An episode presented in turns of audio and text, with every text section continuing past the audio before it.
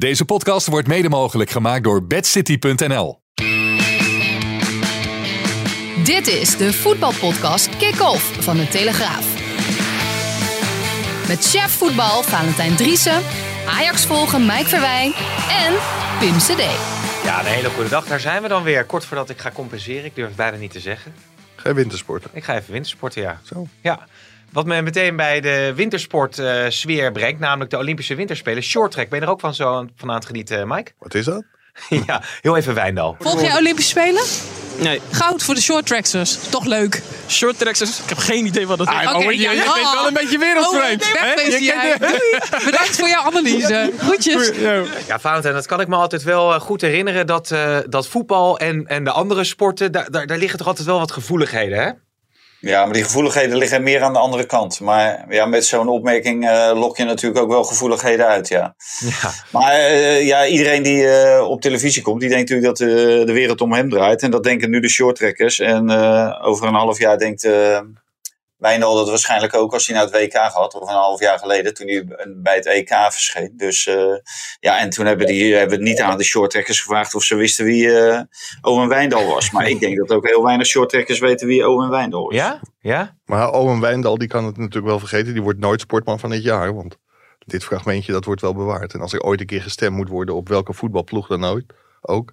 Dan weten die andere sporten die voetbalploeg wel Ja. weer buiten de prijzen te houden. Maar ik, ik kan me wel herinneren van mijn eh, langere loopbaan inmiddels. Nou ja, valt allemaal wel mee. Maar dat, dat, dat voetbaljournalisten, wordt gezegd door journalisten van andere sporten. Dat de voetbaljournalisten zich toch, ja, dat ze voetbal wel een belangrijkere sport vinden. Ja, maar het is ook een belangrijke sport natuurlijk. En het is ook de grootste sport. Volkssport nummer 1. Ja.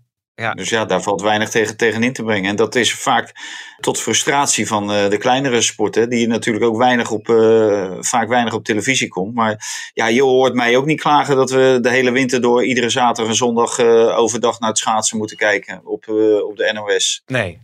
Ik vind het prima, ze Nee, zoeken het maar uit. Je kijkt op de knop op, die, eh, op dat apparaat. En eh, als ik er geen zin heb om naar te kijken, dan zet ik hem gewoon niet aan. Ja, maar jij bent zelf natuurlijk ook een schaatser, hè? Dat scheelt dan ook wel weer. Ja, ja, ja, ja. Maar ik kijk heel weinig schaatsen hoor, kan ik je vertellen. Maar heb je wel zoiets met, die, met, die, met, met dat bochtenwerk en zo? Dat je dan denkt van nou, Nou, als ik het zo zou kunnen, ja. Dan, nee, dat, dat levert alleen maar weer frustratie op bij mij als ik dat zie. ja, hoe ga jij die maar- bochten over eigenlijk, eh, vraag ik me af. Hoe ik die bocht overga. Overgaan? Nee, Ja? ik, ik ga gewoon door de bochten. Maar wel pootje over en eh, Ja. een beetje naar binnen zo, weet je wel, met je ja, ja, buitenkant van de schaats en eh, dan zo naar de binnenkant, ja. ja, Oké. ja. In zijn columns een beetje kort door de bocht af en toe. Maar ja. Uitstekend hoor. Nou, we zijn er weer. Een hele goede dag. Eh, Valentijn zit voor zijn kunstgasveldje in onze Dijk en Mike zit bij mij in de studio. Ja, nou, we, vorige podcast hadden we het er nog over dat eh, het tijd werd voor een reactie van Van der Sar. Eh, dat heeft hij eh, gedaan. Zullen we heel veel luisteren nog? De eerste signalen dat denk een dag of, eh, dag of tien geleden. Niet eerder. Nee, sorry, even of tien geleden. eh, nou, eh, kleine, kleine acht, negen dagen voor het vertrek van Mark, ja. Mark eh, is weg. Eh, heb je ook nagedacht om zelf eh, op te stappen? Nou, ik heb, eh, ik, eh, heb een vrij zware, zware periode achter de rug. eh, met eh, het gevoel van, van te- te- te- teleurstelling, verdriet. eh, wat gebeurt er? Eh, dus ja, zelf, eh, zelf denk je ook wel... eh, Ja, maar het heeft in je hoofd gespeeld stoppen. Ehm, Mike, jij hebt eh, Overmars eh, of Van der Sar ook eh, gesproken hè? Met Valentijn, denk ik dat het was, of niet, voor de wedstrijd? ja, meerdere collega's van, van allerlei kranten in de perszaal van de, van de Johan Cruijff Arena. Zeg maar de vaste Ajax-watchers. Die kregen ook de gelegenheid om ja, een stuk uitgebreider te interviewen dan op tv. Want dat moet altijd kort en, en snel. Hm. We hebben hem 21 minuten gesproken, 21 minuten tape. En ik moet zeggen, daar maakt hij voor mijn gevoel wel een iets betere indruk dan op tv. Dat is gewoon niet zijn ding. Daar houdt hij niet van. Komt ook slecht over. Daar was heel veel commentaar op. Maar ik moet zeggen, bij ons, eh, ja, hij, hij verscheen en dat was al heel wat. En hij had een, eh, ja, zijn verhaal. Ja, Valentijn. Ja, nou, ik, kijk, eh, ik, vo- ik vond hem op televisie ook slechter overkomen dan bij, eh, dan bij ons. Maar hij kwam niet over als een, eh, de, de grote CEO van eh, het beursgenoteerde Ajax. Die daar goed zijn verhaal kwam vertellen, duidelijk zijn verhaal kwam vertellen. eh al zijn zaken op orde had. Dat, dat vond ik niet. Ik, hij maakte een hele kwetsbare indruk. hij praatte heel zacht, vond ik heel opvallend. was nauwelijks te verstaan. Ja, of dat nou gespeeld was of niet, dat weet ik niet. eh, maar ik, ik denk dat het hem eh, inderdaad heeft, inge- eh, of, heeft aangegrepen. Maar ja, op, de- op dat moment ben je de algemeen directeur van Ajax. En dan moet je gewoon een goed verhaal hebben. En daar ben je ook algemeen directeur voor om in slechte tijden voor de troepen te staan. en, je, en je zaakjes op orde te hebben. En ja, dit, dit was niet eh, een, een reactie die je verwacht bij een algemeen directeur van Ajax. Hmm. Nou, wat mij het meest verbaasde was dat, kijk, hij verklaarde zijn onzichtbaarheid in de eerste week doordat hij intern eerst alles goed wilde, wilde uitleggen. Dus de mensen die moest spreken, dat hij die ook wilde spreken. Maar ja, je kunt natuurlijk ook gewoon een tweesporenbeleid volgen en intern alles heel goed doen, maar ook naar de buitenwereld toe. Want je fans, ja, dat zijn gewoon ook hele belangrijke mensen voor je, voor je club. En de media, ja, die worden af en toe als heel lastig gezien, maar dat zijn natuurlijk wel de spreekbuis naar je fans Ja. toe. Dus ja, dat, dat heeft hij volgens mij gewoon, eh, gewoon verzuimd. Dat vind ik ook de, de RVC aan te rekenen trouwens. Want Leen Meijert heeft ooit gezegd dat hij eh, echt wel een keer een interview zou geven. Maar dat hij pas zichtbaar zou worden als de club in de brand staat. Nou ja, volgens mij staat Ajax op dit moment redelijk in de brand. Voetballend niet, maar daar komen we zo misschien nog op. Maar Zeker. organisatorisch natuurlijk wel. En ik denk, ja, ook zo'n RVC mag zich natuurlijk veel meer laten zien dan ze nu doen. Ja. Nou zeker ook omdat nu, nu is er natuurlijk iets naar buiten gekomen wat echt de RVC betreft. En dat is eh, de contractverlenging van Mark Overmars. Nadat er signalen zijn ontvangen eh, over grensoverschrijdend gedrag. Dus ja, een benoeming door, eh, van een eh, directeur, en in dit geval directeur voetbalzaken, is een zaak van de, RV eh, van de RVC van Ajax. Hmm. En die zouden zich daarover over moeten uitspreken wat daar precies is gebeurd en waarom zij hebben besloten, ondanks de geluiden over het grensoverschrijdend gedrag, om toch die benoeming door te laten gaan met die, eh, Ja. met die BAVA was het gewoon buitengewoon, eh, buitengewoon algemene aanhoudersvergadering. Ja, en op die vergadering op 28 januari is natuurlijk iets heel geks gebeurd. Want ze hebben gewoon die contractverlenging doorgezet. Ja, en dat houdt volgens mij ook min of meer in dat de RVC Ajax 1,25 miljoen euro kost. Want ja, iedereen ging ervan uit dat dat bedrag teruggevraagd zou worden, die tekenbonus van Mark Overmars. Maar ja, die kan natuurlijk heel makkelijk betogen van ja, ze waren kennelijk op de hoogte van geluiden. Ze laten me toch tekenen, dus waarom zou ik die, die tekenbonus moeten terugbetalen? Ja, het is interessant eh, als je kijkt naar die, die, die, die, dat tijdspad waarvan de SAR het ook had over acht, negen dagen geloof ik. Dat hij het eh, eerder al wist. Dat is dan kort geweest voor de uiteindelijke contractverlenging die goed is gekeurd eh, voor Mark Overmars. Ik moest daar ook wel een beetje bij denken. Blijkbaar is dat besef van de ernst van de situatie niet tijdig ingedaald. Eh, bij Van der Sar, maar ook niet bij de Raad van Commissarissen. Of zouden ze wel het erover gehad hebben met elkaar en hebben gezegd van nou, weet je, we parkeren het even en we maken eerst die contractverlenging Nou, ik, ik denk niet dat ze het geparkeerd hebben, maar ik denk dat ze vooral heel veel waarde hebben gehecht aan een onafhankelijk extern onderzoek. Ja, dit soort beschuldigingen moet je natuurlijk wel onderzoeken. Aan de andere kant, Van de Sar kent Overmars zo lang. Ik denk als hij naar Overmars was toegelopen en had gezegd van Mark, we krijgen dit te horen, klopt dit? Ja, dan had hij misschien wel een eerlijk antwoord gekregen. En dan had je geen onderzoek nodig, want dan was het waarschijnlijk ook klip en klaar dat je dat contract niet moest verlengen. Valentin, is het verhaal dat je zegt we kijken naar dat onafhankelijk externe onderzoek en we verlengen het contract, is, is dat een plausibel, plausibele verklaring? Nee, nee, natuurlijk niet. Als er een onderzoek wordt eh, gepleegd, dan schors je gewoon die be- beslissing. Dan stel je die gewoon uit. En dat communiceer je. En, en dat begrijp ik wel. Hè. Kijk, en dat is eigenlijk de eerste keer dat echt die beursgenoteerdheid eh, om de hoek komt kijken. En dit is natuurlijk beursgevoelige informatie. Dus daar moet je wel op een bepaalde manier mee omgaan. Maar dit, dit zou je dan moeten communiceren. En dat je die beslissing uitstelt. Eh, om welke reden dan ook. Hè. Eh, en, en ja, daarmee moet je gewoon eerlijk naar buiten treden. En dan hoeft er helemaal geen. eh, dan hoeft dat onderzoek. dat kan gewoon doorgang vinden. Dus dat, dat begrijp ik niet waarom die RVC dat niet heeft gedaan. En Van der Sar heeft het nadrukkelijk, want dat zei hij ook, heeft het nadrukkelijk aangegeven bij de RVC. Dat er naar aanleiding van zijn mail op, ik meen 25 januari, dat mensen die zich niet lekker voelden binnen de organisatie van Ajax en de cultuur van Ajax en die met grensoverschrijdend gedrag te maken had, hadden, dat zij zich eh, moesten melden. Nou, dat, dat is dus al heel snel gebeurd, want drie dagen later is die verlenging geweest. En toen had Van der Sar als signalen opgevangen dat daar eh, iets speelde. Hmm. Ja, en dan moeten, moeten dingen moeten het overnemen, de Raad van Commissarissen, want die zijn uiteindelijk ook verantwoordelijk voor de directie en het functioneren van de directie. Maar er is geen draaiboek hiervoor. Hè? Het is, eh, zeg ik eventjes vanuit het andere perspectief, iets wat je even uit de kast trekt van, nou ja, bij zo'n eh, melding moet je zo handelen. Ehm, ja, het is ook een beetje hoe er op dat moment door individuele personen het, het, het beste wordt geacht eh, om te reageren. Nou, ik, ik denk dat daar wel een draaiboek gewoon Ja. voor is. Ja, gewoon, eh, dan kan je je vasthouden aan, eh, aan je beursgenoteerdheid. En dan moet je Hmm. gewoon de beursregels Ja.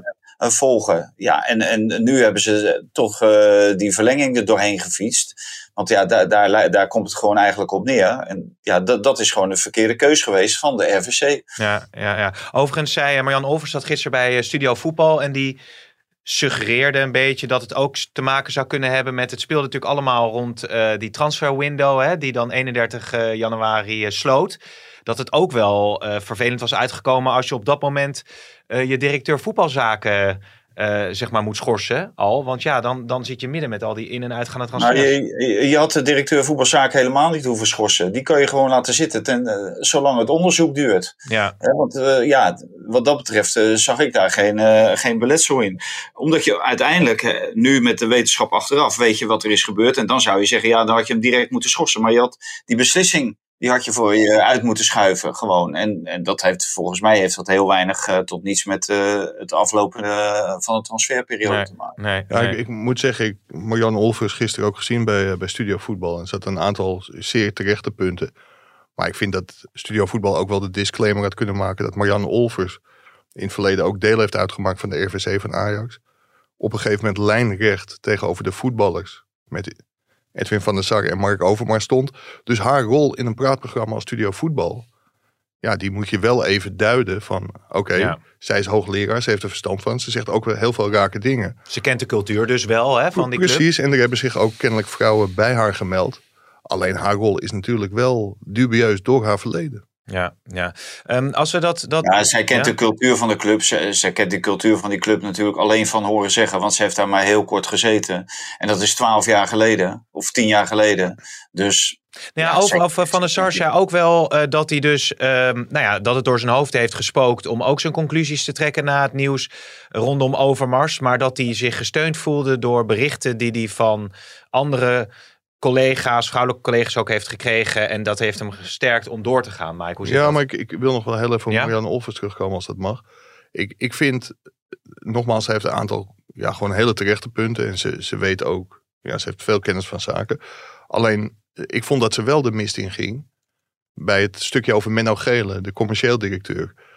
Er is een vertrouwelijke personeelsbijeenkomst geweest. Nou ja, dat Ajax geen veilig werkklimaat is, blijkt wel. Want uit zo'n bijeenkomst wordt ook onmiddellijk gelekt. Dus ook dat geeft aan dat er toch, toch wat aan de hand is bij Ajax. Maar daarin heeft, in die bijeenkomst heeft Menno Gele gezegd dat de grens ver uit zicht was. Nou, dat heeft hij Ja. proberen uit te leggen als zijnde van dat een leidinggevende zulke berichtjes stuurt naar werknemers. Ja, dat is al over de grens. Dat het dickpics zijn, dat is ver over de grens. En dat dat langdurig en naar meerdere collega's is, dat is ver over de grens. Maar daarbij heeft hij ook wel aangegeven tijdens die bijeenkomst dat Mark Overmars met geen vinger aan welke vrouw dan ook heeft gez- gezeten. Dat heeft hij ook gecheckt nog bij de Raad van Commissarissen. Alleen als dan vervolgens in studio voetbal de indruk wordt gewekt dat de beerput nog veel verder open zal gaan. En dat dit misschien het topje van de ijsberg is. En dat er misschien nog wel veel kwalijkere zaken zijn gebeurd.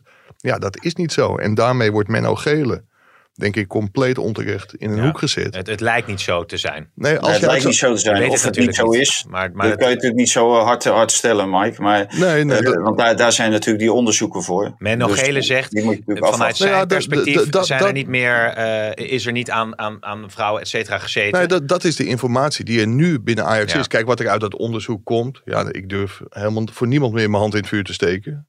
Ja. Nee. Ja, maar dus je, dan kan je niet zeggen van er is niet meer. Want steek, steek alsjeblieft je handen niet in het vuur Nee, van nee, nee. Nee. nee. Als ik dat zo zei, dan is er op dit moment niet meer. Maar dat zou natuurlijk nog wel. Nee, nog wel maar kunnen jij, zegt het eh, om te suggereren dat er sowieso meer is en dat die beurput verder open gaat. Dat vind jij een, een, een, ook een, een, een, suggestieve manier van Ja, benaderen. dat, dat vind, ik, eh, vind ik heel kwalijk. Maar ook omdat Menno Gele daar op een bepaalde manier wordt neergezet. Die krijgt zeg maar, het verwijt van, nou, hij geeft aan dat er waarschijnlijk veel meer aan de hand is. Want de grens is niet eens meer in zicht. Ja, daarmee lijkt het alsof hij Overmars die al op de grond ligt nog even een paar schoppen op zijn Ja. kop geeft. Ja. Overigens was er daar ook veel over te doen ehm, om een uitspraak van Miel Brinkhuis, eh, die eventueel eh, gezegd zou hebben dat hij het eh, vervelend vond dat de vrouwen naar buiten waren ge- getreden met hun verhalen en het niet intern was gebleven. Nee, dat is maar ook op een bepaalde manier vertaald. Daarom kun je beter met statements werken, want dan kun je daar altijd naar verwijzen. In plaats van zulke vertrouwelijke per- personeelsbijeenkomsten te organiseren. En dan ook nog via Zoom, waarbij iedereen kan meekijken. Het vervelende is, als er uit zo'n bijeenkomst onvolledig wordt geciteerd, ja, dan komen mensen in een bepaalde hoek te staan. Want Miel Brinkhuis, en dat zei hij ook rondom dat gesprek met Edwin van der Sar, ja, die is er dood mee aan. Omdat nu de indruk wordt gewekt alsof hij teleurgesteld is in de vrouwen dat zij eh, naar de media zijn gestapt, naar NRC zijn gestapt. Dat is ook wel zo, alleen hij bedoelde daarmee aan te geven dat hij teleurgesteld is dat de organisatie Ajax zo onveilig is dat die vrouwen gedwongen waren om naar NRC te stappen. Ja, en als je dat vervolgens uitlegt, hij is enorm teleurgesteld in de vrouwen dat ze naar NRC zijn gestapt. Ja, dat klopt. Ja. Maar vanwege het feit dat Ajax gewoon niet zo'n organisatie is waar je naar je manager kan, naar de clubarts, naar de vertrouwensarts, naar de vertrouwenspersoon. Dus daar zat zijn grote probleem. Ja. En hij heeft helemaal niet die vrouwen proberen te, te beschuldigen van waarom ben je naar, naar een medium gestapt. ja, Valentijn? Ja, nee, nee dit, dit is ook het verhaal wat ik heb gehoord. En eh, het, het is, je ziet iedere keer eh, eh, wat er eh, wordt opgeworpen. Hè. Er, wordt, er wordt iets gezegd, daar wordt eh, een bepaalde kleur aangegeven. Nou, de, de ene kant die geeft er deze kleur aan, de andere kant geeft er een andere kleur aan. En dan, dan moet je het eigenlijk maar uitzien te zoeken. Dus, dus het, is heel moeilijk om, om daar eh, een, een rol in eh, te bepalen of eh, je rol in te nemen. En ik denk dat het daarom het allerbeste is om, om af te wachten. De, de onderzoeken die, eh, die lopen Ja. hierover. Ja. Of, of dit het is geweest of eh, dat het nog veel erger is. En, en dat, dat, eh, wat Mike terecht zegt, eh, het geeft aan dat de cultuur, dat daar wel wat mis is natuurlijk. En dat daar heel snel verbetering in zou moeten komen. Ja, maar dat punt wat Van der Sar dus aanhaalde, dat hij zich ook wel gesteund heeft gevoeld door veel eh, collega's uit de organisatie. Hoe, hoe, hoe duid je dat? Is er ook een tegenbeweging binnen Ajax na dit, eh, na dit nieuws rondom Overmars? Nou ja, er, er is in NRC, en die hebben met heel veel mensen gesproken, weliswaar anoniem gesproken. Maar daar werd een sfeer ge- geschetst als zijnde eh haantjesgedrag, macho cultuur. Ja, gewoon een hele onveilige werkplek. Maar Van der Sar zei letterlijk van... Ja, ik spreek ook heel veel mensen die het heel fijn vinden. Het hier als heel prettig ervaren. Dus kennelijk is er een groep die ja, de, de signalen die door anderen worden afgegeven niet zo ervaren. Ja, ja, ja. ja. Ja, ja en het, kan natuurlijk best zijn dat het maar om één man gaat. Als het om Mark Overmars gaat, dan lopen er elf vrouwen rond die, die verschrikkelijk gefrustreerd zijn. En dat begrijp ik heel goed. En die daarmee te maken hebben gehad met dat grensoverschrijdende gedrag van, eh, van Overmars.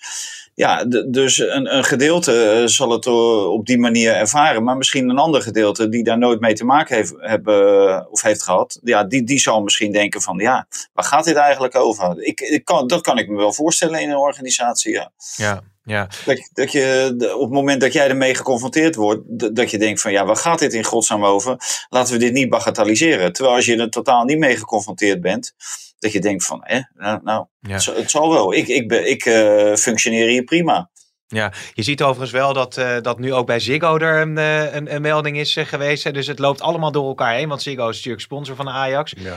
Nou ja, goed, voor wat het waard is. Maar je ziet dat, dat, dat de verhalen eh, over elkaar heen eh, buitelen. Dus wat dat betreft wordt het allemaal nog wel vervolgd. Ja, maar dat, dat, weten, dat weten we nu. En, want dat Ja. is bij de Telegraaf natuurlijk ook, eh, Ja. is er ook een, een geval bekend. Dus en ja, nu zelfs bij Volt, hè?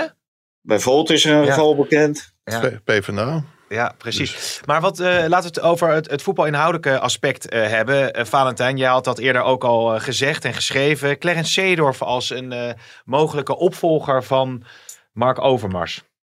Ja, nou ja, ik, ik wil dus eh, zeg maar buiten de gebaande paden kijken. En, Doe je altijd, hè? Ja, ik, ik zag allerlei lijstjes en dan zag ik Danny Blind en ik zag eh Marcel Brands, die stonden overal eh, Ja. voorop. Nou, Ja. Brands eh, we het zo die, over hebben. die heeft wel heel snel de deur dichtgegooid en naar eh, iedere functie bij de KNVB of bij Ajax, want die wordt uh, algemeen directeur eh, bij PSV.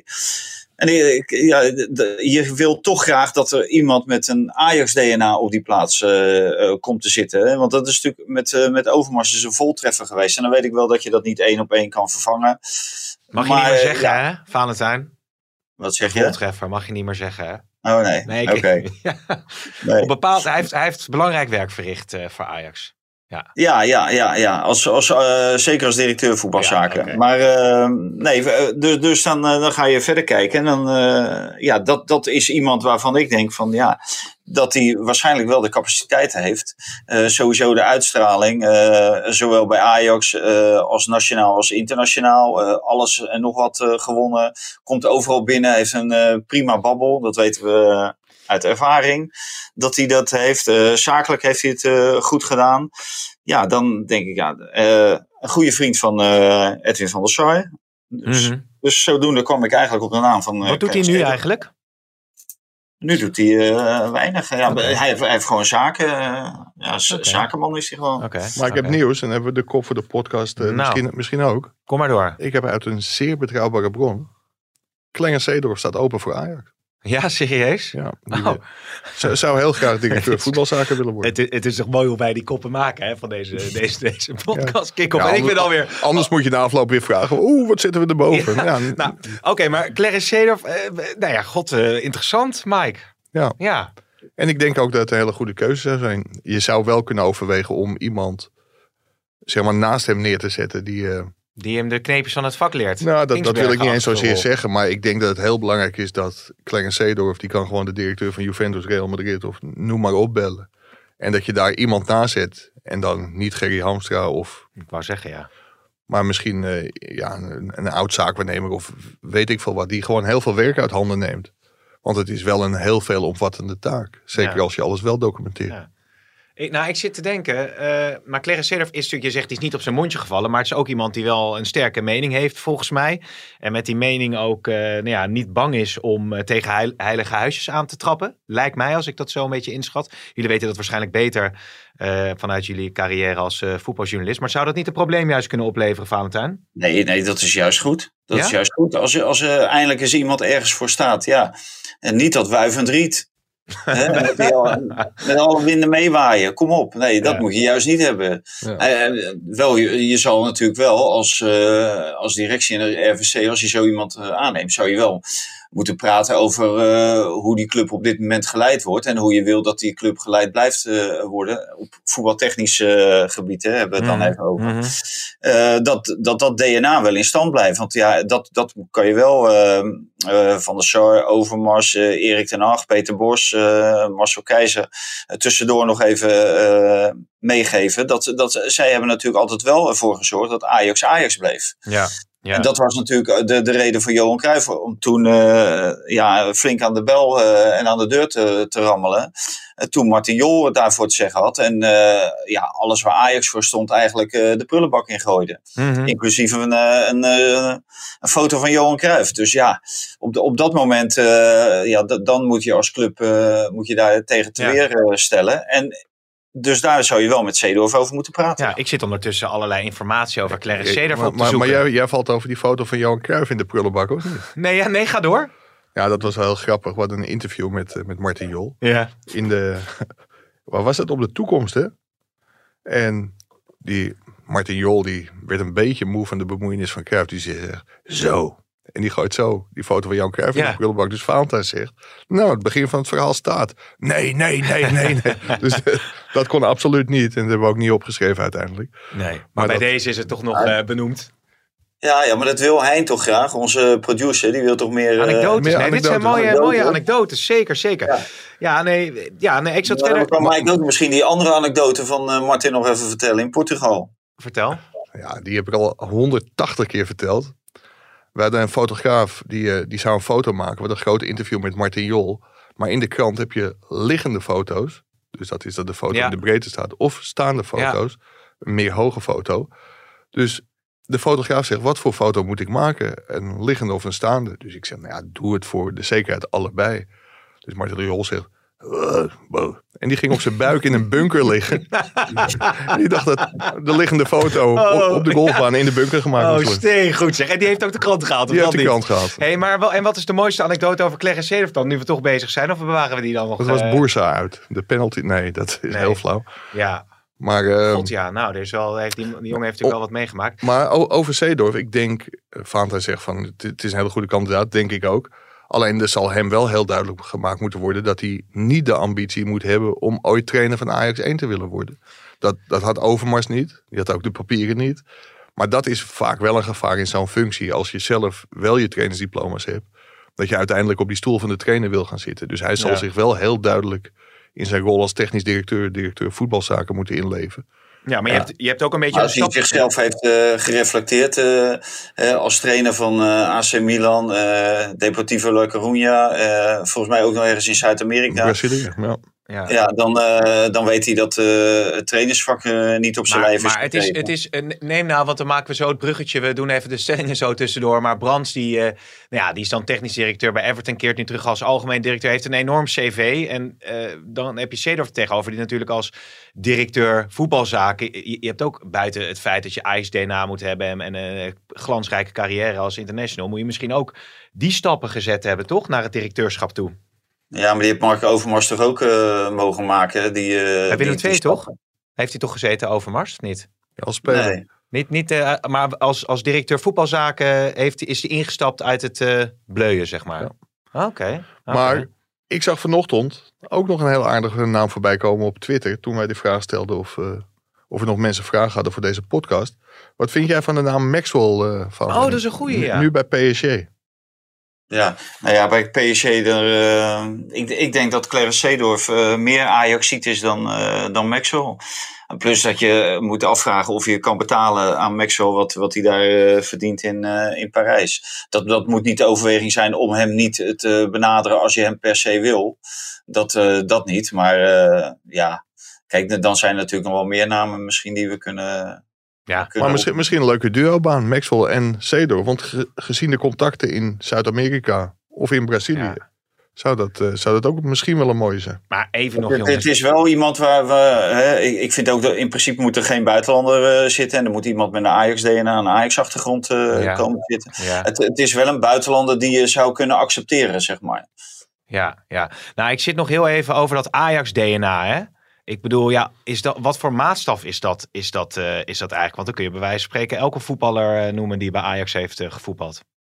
Nou, maar de- deze man die heeft eh, vanaf zijn eh, zevende jaar eh, tot zijn achttiende binnen Ajax ge- rondgelopen. Ja, Dus eh, dan, dan weet je echt wel waar, waar Ajax voor staat.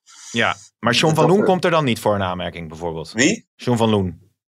John van Loen. Ja, Nou, nou, misschien ook een beetje Ajax-DNA, toch? ja. Maar John van Loen die is toch een keer bij ons in de studio. Die wil toch trainer blijven? Ja, dat is ook zo, ja. ja. Mooi was dat. Nou, die nodigen binnenkort nog vast wel een keertje, een keertje uit, eh, Maar Mike. misschien zou Frank Arnezen een hele, hele goede Ja. zijn. Ik gooi de stellingen, want daar gaan we zo ook over door. Ik gooi de stellingen er even tussendoor. Maar- eh, want dat is voor het ritme van de podcast. Of wil jij nog iets voor Ja, ik weet niet wat daarvoor? Roelof Hemmer hiervan vindt. Ik vind ze vrij laat in de uitzending zitten. De Nou, ze zijn nu na, hoe lang? Oh, na 27 minuten. Dat is vrij laat inderdaad.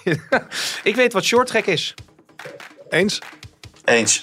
Marcel Brands is een betere algemeen directeur voor PSV dan Toon Gerbrands. Oneens. Oneens. Nou ja, Clarence Seedorf, perfecte nieuwe directeur voetbalzaken van Ajax. Eens. Ja. Teun Koopmeiners ontwikkelt zich tot een vaste basisspeler voor Oranje. Oneens. Eens.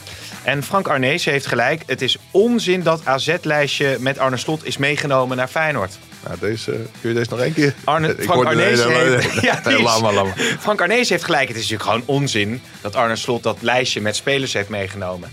Oneens. Oneens. Ja, want laat, laten we even eh, luisteren naar een eh, fragmentje daarover... wat hij eh, gisterenochtend zei in eh, Goedemorgen Eredivisie. Ik vind het zo'n mooi verhaal. Nee, tuurlijk niet. Want aan, aan is een coach. Ja, maar en coaches, coaches, coaches kennen, die zijn bezig met hun eigen elftal. Ja, en met die tegenpartij. Maar ze, zijn, geen- ze weten niet waar het om gaat in de hele wereld in voetbal. maar Daar die- zijn wij voor. Jawel, maar die weet wel wat Max Huibers aan het zoeken is.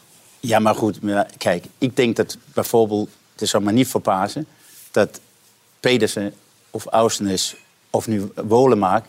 dat die op die lijst staan van Ajax, van AZ, van PSV en voor ons. Het is Wolemark dus, hè, voor de duidelijkheid. Ja, maar het is wel onzin wat hij zegt. Want natuurlijk is een hoofdcoach. Die wordt op een gegeven moment gezegd van... We zijn van plan om deze te gaan halen. Of we zijn heel ver in de scouting met deze speler. Ik ga hem nu ook bekijken. Mhm. Kijk jij even in zijn profiel en beelden wat jij daarvan vindt. Dus Arne Slot was natuurlijk op de hoogte van de spelers die AZ mogelijk wilde halen. En de scouting van Feyenoord lag behoorlijk op zijn kont. Dus ik snap ook wel dat hij dat lijstje heeft meegenomen. Ja, nou ja, ik moest er zelf al een beetje om lachen, omdat wij hier in de podcast ook regelmatig hebben gezegd juist dat dat lijstje is meegenomen. Maar Arnees doet daar eigenlijk een beetje, ja, die zegt wel een maf verhaal, joh, Valentijn. Ja, ja, maar eh, Frank, die kan natuurlijk zoveel zeggen, maar we weten toch allemaal hoe het werkt. Op het moment dat jij eh, morgen je podcast bij de Volkskrant gaat presenteren of bij VI, Ik ben wel benaderd. dan eh, neem je ook al, al je kennis mee. En eh, dan zeg je ook van, ja, die Mike Verwijn moeten we minimaal één keer in de week bellen. Hè? Want ja, dat is een topper is dat, die, eh, die weet een hoop. Zo. Dus, eh, hè? Zo. Nee, ja, maar dat, dat is, het is toch volstrekt logisch. Het is hetzelfde met, eh, ze kwamen ineens met een heel nieuw eh, eh, rapport over de jeugdopleiding. En Ja. dit moest veranderen en dat moest veranderen. Ja, eh, het enige wat, eh, eh, het verschil met eh, het rapport wat bij AZ geschreven was, eh, dat was de naam. Dus overal waar AZ stond is Feyenoord ingevuld. Dat is meegenomen door eh Koen Stam, die, die Feyenoord bij AZ heeft eh, weggehaald. En ja. Hey, k- kijk, ik veroordeel dat niet. Helemaal niet. Hè? Want zo werkt het nou eenmaal. Als je is het best onwenselijk, toch? Het is best onwenselijk. Hè? Het is best onwenselijk ergens. Ah, wa- Waarom? Als je, als je iets zelf niet eh, weet, dan, eh, dan koop je Ja. het gewoon. Dan Ja, koop je het gewoon in. dat is de reden Ja. waarom collega's die hier besluiten om naar een andere krant te gaan, onmiddellijk hun bureau leeg mogen maken, telefoon moeten inleveren, laptop moeten inleveren. Nooit meer terug hoeven te komen. Nee, nee, nee. Dus als, als ik naar de Volkskrant ga, dan is het eh, linea recta pandwijd. Maar kunnen we nu tekenen? hey, maar over Arnezen gesproken. ehm, waarom heeft hij nou nog niet verlengd bij Feyenoord, joh? Waarom duurt het zo lang? Ja, ja, nee, ja hij, zei- hij zei volgens mij dat eh, deze week ver- verwacht hij wat meer duidelijkheid. Misschien wacht hij ook dat eh, Ajax belt. Zou dat het? zou ook kunnen. Want eh, ja, dat eh, kapte hij ook niet af. Nee, hij wilde daar Oh, niet op ingaan, hè?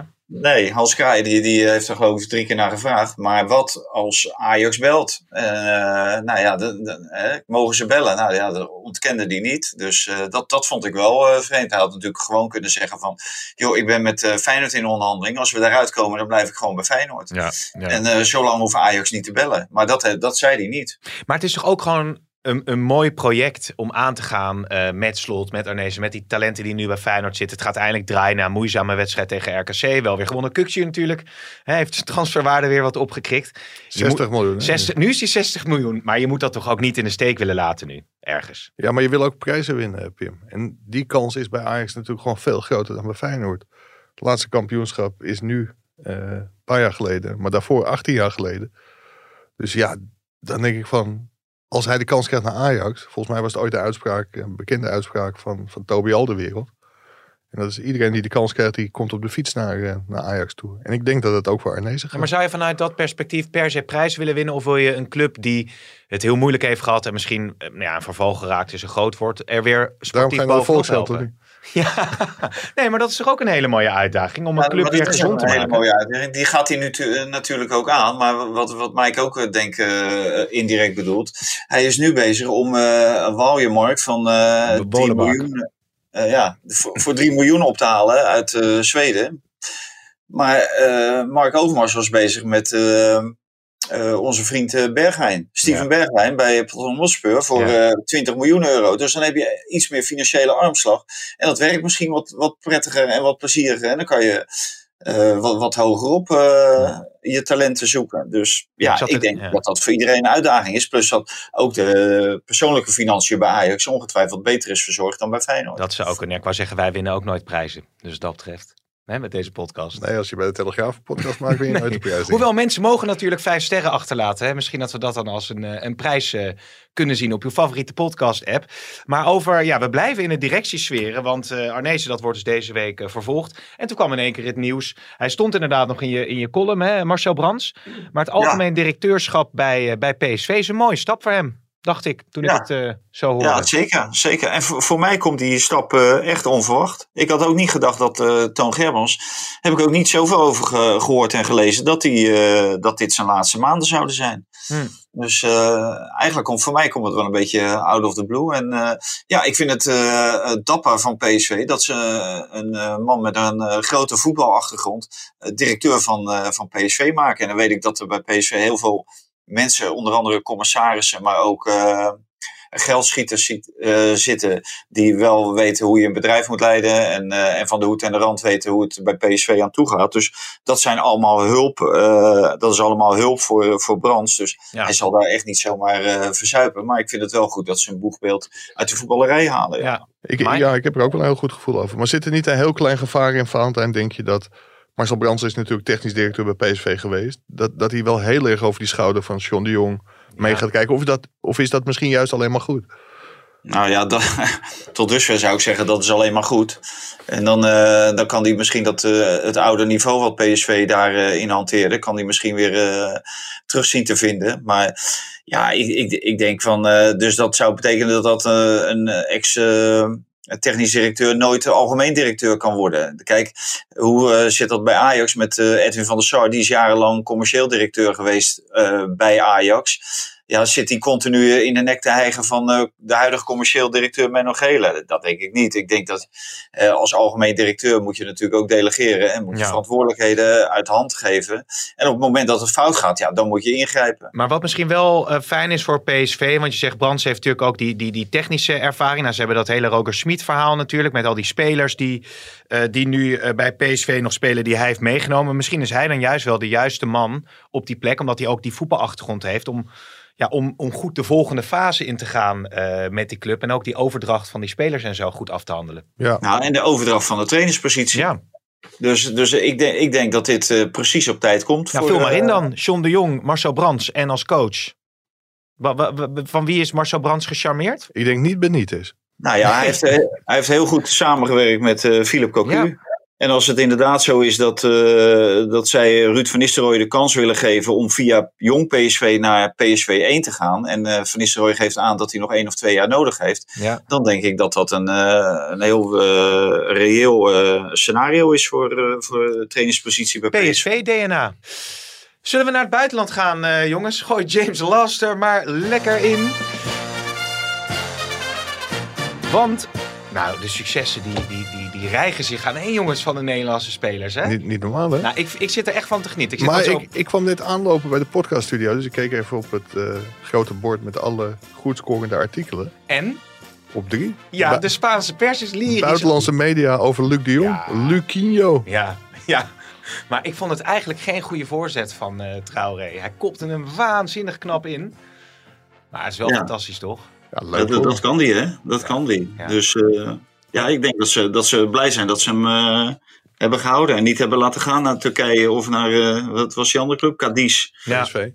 Ik zag weer allerlei statistieken van het aantal goals per het aantal minuten. Ik geloof dat die Memphis Depay al, eh, al eh, eh, voorbij is gestreefd eh, wat dat betreft. Het mooiste is inderdaad statistieken en buitenlandse media, om dat zo, zo beter te pakken. Maar dat was eh, Luc de Jong. Ik weet eigenlijk niet, heb jij die wedstrijd nog kunnen kijken, Valentijn, of zat je druk Nee. met andere Nee. dingen? Oké, dus je Ja, hebt ja. geen zicht op het tiki-taki voetbal van, eh, van Xavi. Ik heb Teun Koopmeiners eh, die de samenvatting van die wedstrijd gezien. Uitstekend. Echt indrukwekkend. Ja, dat vind ik ook. En daarom was mijn eh, antwoord op de vraag of hij vaste middenvelder van het Nederlands elftal gaat worden. Nu nog niet. Maar over een paar jaar wordt hij natuurlijk wel vaste middenvelder van het Ja. Nederlands elftal. Ja, zo mooi ook dat, eh, dat bij Atalanta, ik weet niet hoeveel middenvelders ze daarin neer kunnen zetten. Maar Martin de Roon die, eh, die speelt, ook, eh, speelt ook altijd. Maar hij is daar wel een, eh, een belangrijke speler aan het, eh, aan het worden. Ja, nou, ze doen daar toch wel veel wisselen hoor. Dat klopt. Bij, eh, bij Atalanta. Dus eh, het zijn ook eh, veel wedstrijden dat die jongens niet in actie komen. Dus, Nou, Weet je wie dat ook deed? Veel wisselen? Nou?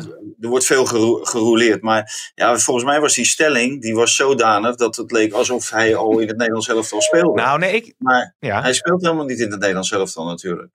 Hij is gewoon af en toe valt hij in. En, Ja, eh, nou, laatste dat dat was- dat een slechte stelling. dat was ook mijn idee van een stelling dat hij nu af en toe speelt. En dat hij zich gaat door zijn goede spel bij Atalanta gaat ontwikkelen tot, de, tot een vaste speler van het Nederlands Ja, nou, elftal. ja. Laat hem eerst eens als speler van het Nederlands elftal, eh, tot een speler van het Nederlands elftal ontwikkelen. Ik, ik vind je tot dusverre eh, niet heel erg enthousiast over dit eh, geestdriftige buitenlandblok. Laten we dan naar Donny van der Beek gaan, Valentijn. ja. Ja, wel enthousiast? Nee, gewoon die wedstrijd heb ik helemaal gezien. En die, die speelt een hele normale wedstrijd. Niks Jongen, bijzonders. Jongen, jongen. Lampert was lyrisch, man. Ja, maar dat gaat echt helemaal nergens over. Maar Lempert, dat is een aankoop van Lempert. Dus die gaat hem eh, een paar veren in zijn reet steken. Want dat, ja, die, dat straalt ook weer op hem af. Ja. Maar Donny van der Beek, eh, ja, die, die, die, die speelde aardig, maar echt niet bijzonder. Nou, Ik, oké. ik, vond- ik vond hem wel heel Het goed. is wel spelen. goed dat hij speelde en dat hij 90 minuten speelde direct. Ja. En dat hij dat gewoon eh volhield. Maar Ja, en- en het het is echt natuurlijk- niet bijzonder hoor. Het is natuurlijk lekker voor, meer eisen. lekker voor Donny van der Beek dat ze dan gewoon zo'n wedstrijd ook gelijk winnen. Ik vond hem wel goed spelen hoor. Maar dat, eh, Ja. en, en inderdaad 90 minuten. Ja, dit heeft hij nodig. Dit moet hij een half seizoen eh, gaan doen. Ja. Ik, ik voel nog steeds niet heel veel enthousiasme over. eh, ik, ik zit er een beetje eh, de opmars naar de WK-winst in eh, Qatar hier voor te bereiden. En Valentijn nuanceert alles. Wout Weghorst, wel verloren van Liverpool, maar hè? Ja, geblesseerd uitgevallen. Ja, maar op het moment dat Nederland zelf naar het WK gaat, dan is Wout Weghorst aan het pielen in de Championship in Engeland. Hè, tegen Shrewsbury Town en uh, wat hebben we daar nog meer? Huddersfield Town. Ook, ja. Reading. Ja, daar, daar, word je niet beter van hoor. Nee, nee, is er dan wel iets anders wat je nog mee wil nemen uit ja, buitenland? de Jong, eh, wat dat gaat, zit die Lucie de Jong, die is weer bezig op een hoger niveau natuurlijk dan Weghorst. Dus ja, ik weet niet uh, hoeveel uh, pinch hitters er mee moeten. Maar... Nou ja, hij stond onder Frank de Boer gewoon in de basis natuurlijk. Uh, Woutje Weghorst uh, bij het ja. Nederlands ja, elftal. Dat, dat was een groot succes. Ja. jongens, we gaan rustig richting een afronding van deze, deze podcast. Ik wou nog even, ja, Madueke natuurlijk, die, die weer een, een, mooie indruk maakt bij PSV. Ja, dat wordt natuurlijk een hele mooie ja, ik wil niet zeggen eerste taak voor Marcel Brands. Maar die heeft wel twee spelers die voor de hoofdprijs kan, kan gaan verkopen. Als ja. Gakpo en, uh, en Madueke. Ja, geweldig. Nou ja, zou je... Nou, zeker Madueke. Madueke, dat Engelse paspoort is natuurlijk uh, misschien wel uh, 10, 15 miljoen extra waard. Omdat die in Engeland moeten die clubs natuurlijk een uh, percentage Engelstalige in hun selectie hebben. Ja, en als je dan iemand als Madueke op kan halen, die ook nog zo goed is. Ja, dat, dat gaat PSV echt wel veel geld opleveren. Ik denk dat hij meer geld gaat opleveren dan Gakpo. Maar zou je niet moeten proberen als je de nieuwe directeur wordt van PSV... om een Gakpo en Madueke nog een jaar langer bij te laten voetballen? Ja. Zou dat ja, niet bij allebei wel haalbaar zijn? Ja, natuurlijk. natuurlijk ja. De, de, je, je, moet natuurlijk eigenlijk doorselecteren van onderen, niet van boven. Dus niet je beste laten weggaan en dan uh, van onderaf aan uh, uh, spelers ophalen om die weer op te leiden. Je moet natuurlijk eigenlijk de beste spelers moet je houden.